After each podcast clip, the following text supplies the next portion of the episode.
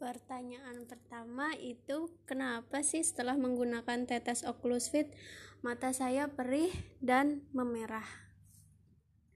Ya, jadi sebelumnya kita harus tahu dulu karena begini, ketika kita mengetahui tipikal dari mata kita itu sensitif atau enggak, kita bisa tahu perlakuan apa yang seharusnya kita lakukan gitu. Contohnya, kalau misalnya mata kita sensitif, maka mata kita itu akan mudah merasakan perih kayak gitu. Karena setiap hari memang mata kita itu jadi sensitif gitu. Tapi kalau kita sudah terbiasa menerima keperihan kayak gitu otomatis kita tidak akan merasakan perih ketika memakai close fit ada lagi selain itu? Misalnya uh, setelah beberapa kali pakai tetap saja memerah.